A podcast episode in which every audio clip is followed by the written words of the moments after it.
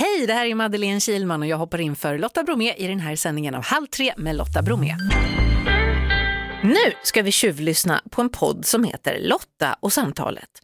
Lotta Bromé pratar med olika kända härliga människor. Det vi ska lyssna på nu det är när hon pratade med regissören Lasse Hallström som är aktuell med filmen om konstnären Hilma af Klint. En film han är väldigt stolt över och som han gjort tillsammans med sin fru Lena Olin och dottern Tora Hallström. Ja du Lasse Hallström, välkommen till Halv tre. Tackar. Hur är läget? Jo, det är väldigt bra, väldigt skojigt att få åka runt och prata om filmen. Mm. Som vi har gjort, som vi är så stolta över. Om jag ska välja eh, favoriter av filmer jag har gjort så är det nog Mitt liv som hund och den här som ligger högt på listan. Och möjligtvis Gilbert Grape också, de tre. Kanske Sidrusregeln också. Det är roligt att du nämner eh, de filmerna du nämner som du har varit väldigt nöjd med. Jag, mm. jag läste någonstans om filmer som, som du hade tackat nej till. Catch me if you can. Hade du erbjudande om att göra det? Ja, det var väl inte jag som... Jag... Vad gjorde att du det, sa nej? Farbror Weinstein, den beryktade... Jaha, var det han som bestämde? Ja, ja, han tyckte inte att jag skulle göra den. För att? Och för att han hatade Dreamworks-bolaget. och var väldigt avundsjuk på det. Så när han hörde att jag skulle gå över från Miramax till Dreamworks så blev han galen mm. och sa du får aldrig mer jobba för mig om du går dit. Och då blev jag rädd. Det var ju väldigt dumt och tackade nej. Men, det men, var idiotiskt. Ja, och sen Rainman, var det samma sak? Var han där också? Då, ja, eller? men det är många andra som har tackat nej till den och vi som tackade nej fick läsa någon slags gangsterversion, någon slags kriminaldrameversion av det där. Mm.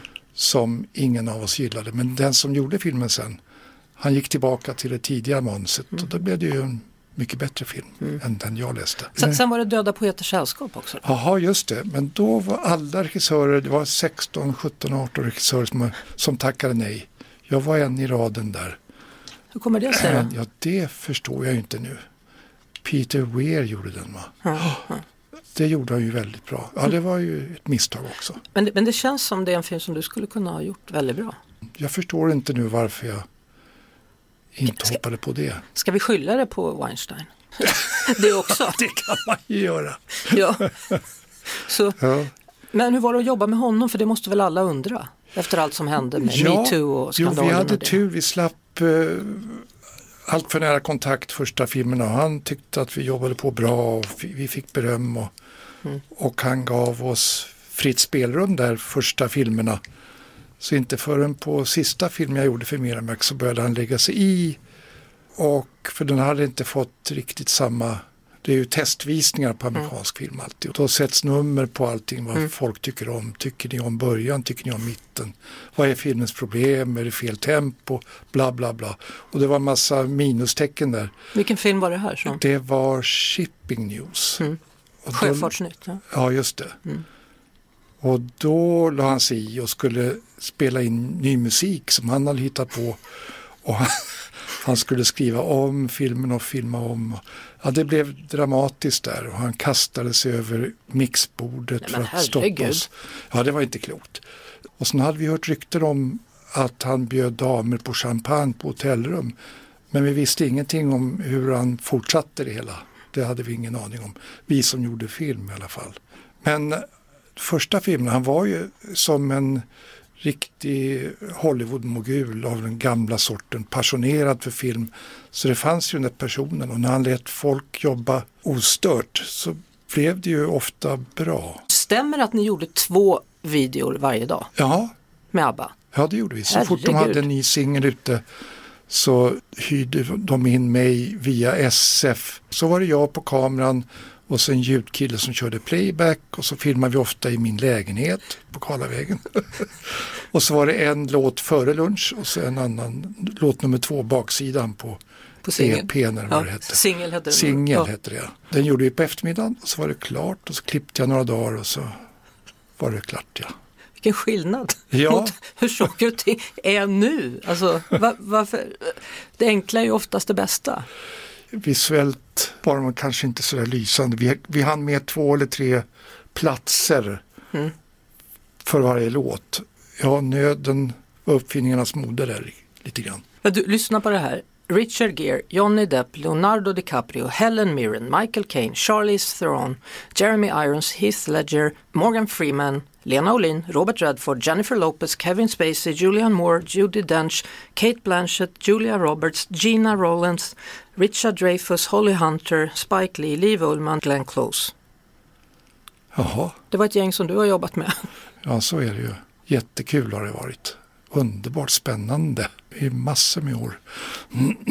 Det var Mitt liv som hund som öppnade dörrarna till det amerikanska äventyret. Det var ju slutet på 80-talet redan så började jag jobba där. men det är ändå roligt för, för just eh, Johnny Depp och Leonardo DiCaprio. Du Mm. träffade ju dem när de var väldigt mycket i början av sin karriär. Ja, Leonardo snudd på upptäckte jag. Ja. Han hade gjort en film som inte hade visats ännu tror jag. Som, men sen eh, fick han ju en Oscarsnominering av rollen han gjorde i Gilbert Grape. Han vann inte konstigt nog. Men tidigt, det, det var i början på hans karriär. Ja. Han var 18 år när vi gjorde den. Nu är han 48. Det är det. Då är det Ja. 30 år sedan då. Ja, över 30 år sedan. Såg man redan då att det här kan bli en superstar eller hur tänkte du? Ja, första dagen, första tagningen såg, man, såg vi alla i teamet att den här killen är ju en talang. För han var så autentisk i det han gjorde där och vågade så mycket.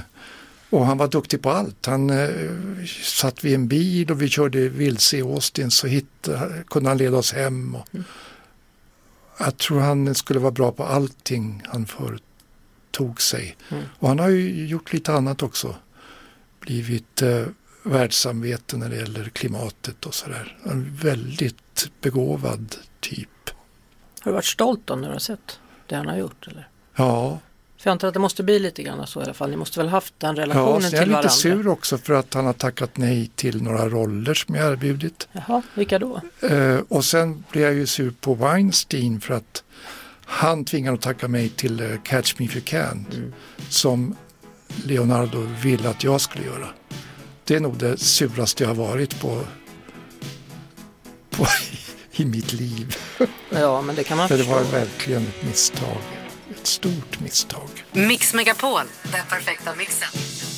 Och vi pratar om Hilma då, filmen. Ja, Och inte minst Hilma af Klint. Hur, hur fick du syn på den här annorlunda människan? jag, jag visste ingenting om henne förrän Lena berättade om en film hon hade sett på ett flygplan som hette Personal Shopper, en amerikansk film. Och där förekom Hilma af Klint, en svensk konstnär.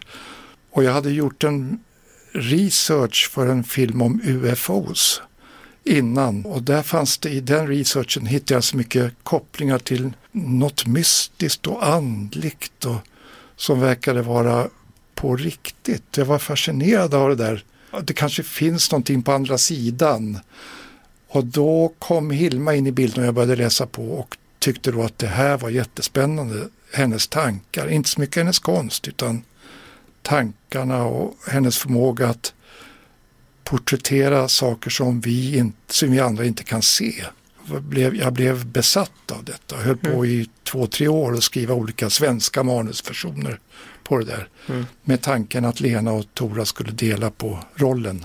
Men, men jag har förstått att, att det här med andlighet och att det finns en annan värld som vi inte alla kanske ser. Att det har drabbat dig under... Ja, jag är omvänd.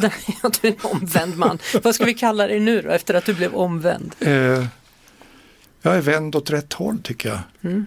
För att det här är på riktigt och jag har träffat ett medium, ett oerhört skickligt svenskt medium som har kontaktat eh, folk på andra sidan och hjälpt, som har hjälpt oss med filmen.